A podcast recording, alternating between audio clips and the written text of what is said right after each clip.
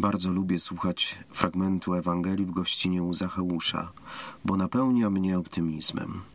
Niektórzy zarzucają, że nauczanie Kościoła jest bardzo rygorystyczne, że wciąż mowa o grzechu, piekle i karze. Może i mają rację, ale tylko w jakiejś części. Są kaznodzieje, którzy nie potrafią wyjść poza styl manichejskich ostrzeżeń. Jednak większość przypowiada dobrą nowinę właśnie jako dobrą, bo taka jest w swojej istocie. Bóg jest miłością i tę twarz widzimy w dzisiejszej scenie, która dzieje się w Jericho. Oto Zacheusz pragnie zobaczyć popularnego mistrza z Nazaretu, a że jest niskiego wzrostu, wchodzi na drzewo. I tu pojawia się wątpliwość. Czy zrobił tak dlatego, że fascynowała go sława Jezusa, czy też dlatego, że czuł wewnętrzną potrzebę przemiany własnego życia. Tak czy siak zrobił to dla siebie. Pomimo upływu ponad dwóch tysięcy lat Zacheusz bardzo przypomina współczesnego chrześcijanina, który albo zachwycił się wiarą, tak iż emocjonalnie czuje się w niebo wzięty. Stąd symbol wejścia na drzewo albo presja tłumu gapiów sprawia, że poddaje się skostniałym schematom tradycyjnej religijności. W ostatnią niedzielę października w większości kościołów była sprawowana liturgia z poświęcenia kościoła własnego.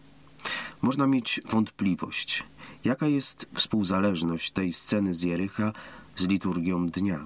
Otóż przedstawiona w Ewangelii sytuacja to obraz Kościoła w postaci Zacheusza, Kościoła konkretnych relacji. Zacheusz, Jezus. Mistrz z Nazaretu prosi Zacheusza, aby zszedł na dół i przywitał się z nim. Wydaje się, że oznacza to, iż Kościół musi zbliżyć się do konkretów utkwionych w problemach swoich wiernych stanąć obiema nogami na własnej ziemi i dopiero z tego poziomu przywitać się z Panem. Tak buduje się bliskie relacje face to face, a te są różne na całym świecie. Szczególnie boleśnie ukazuje swoją twarz Kościół prześladowany, jak na przykład w Chinach, gdzie wspólnota żyje jedynie w podziemiach.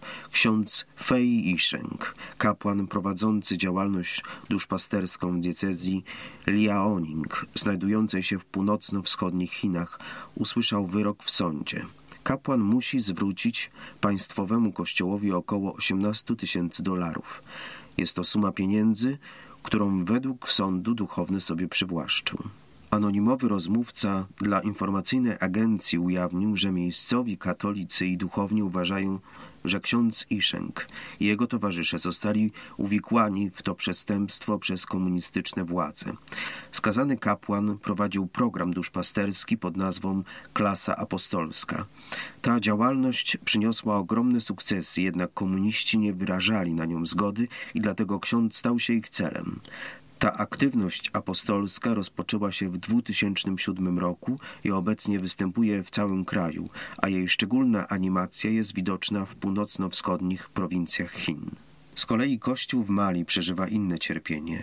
Dżihadyści zaczęli atakować chrześcijańskie społeczności. To przykra sytuacja. Powiedział w wywiadzie dla agencji informacyjnej Fides ksiądz Edmund Demble, sekretarz generalny Konferencji Episkopatu Mali. W diecezji Mopti, znajdującej się w północnej części kraju, znajdują się tylko trzy kościoły, które odwiedzili muzułmańscy ekstremiści i nie dopuścili wiernych do zebrania na nabożeństwa czy bicia dzwonów. Zniszczyli też całe wyposażenie kościoła, dodał duchowny. Tydzień temu w wiosce do Bara uzbrojeni muzułmanie przybyli do znajdującego się tam kościoła, wyrwali główne drzwi z zawiasów.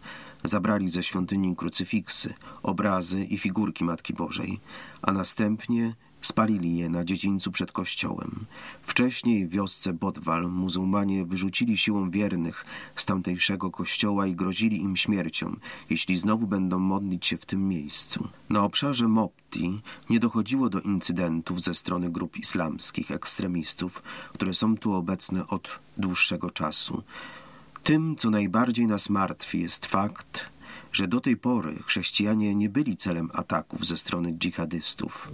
W ostatnich miesiącach sytuacja bardzo się zmieniła i dlatego bijemy na alarm. To jest obszar graniczący z państwem Burkina Faso, które jest celem ataków ze strony islamskich ekstremistów, dodał ksiądz Demble. Stopniowo zwiększa się obecność grup dżihadystów południowej części Mali, która do tej pory była oszczędzana przez akty przemocy.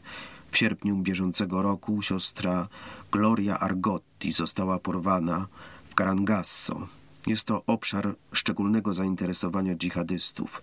Mimo, że dwa lata temu siły zbrojne Mali rozbiły jedną islamską organizację terrorystyczną, która działała w lesie znajdującym się przy granicy pomiędzy Mali a wybrzeżem Kości Słoniowej.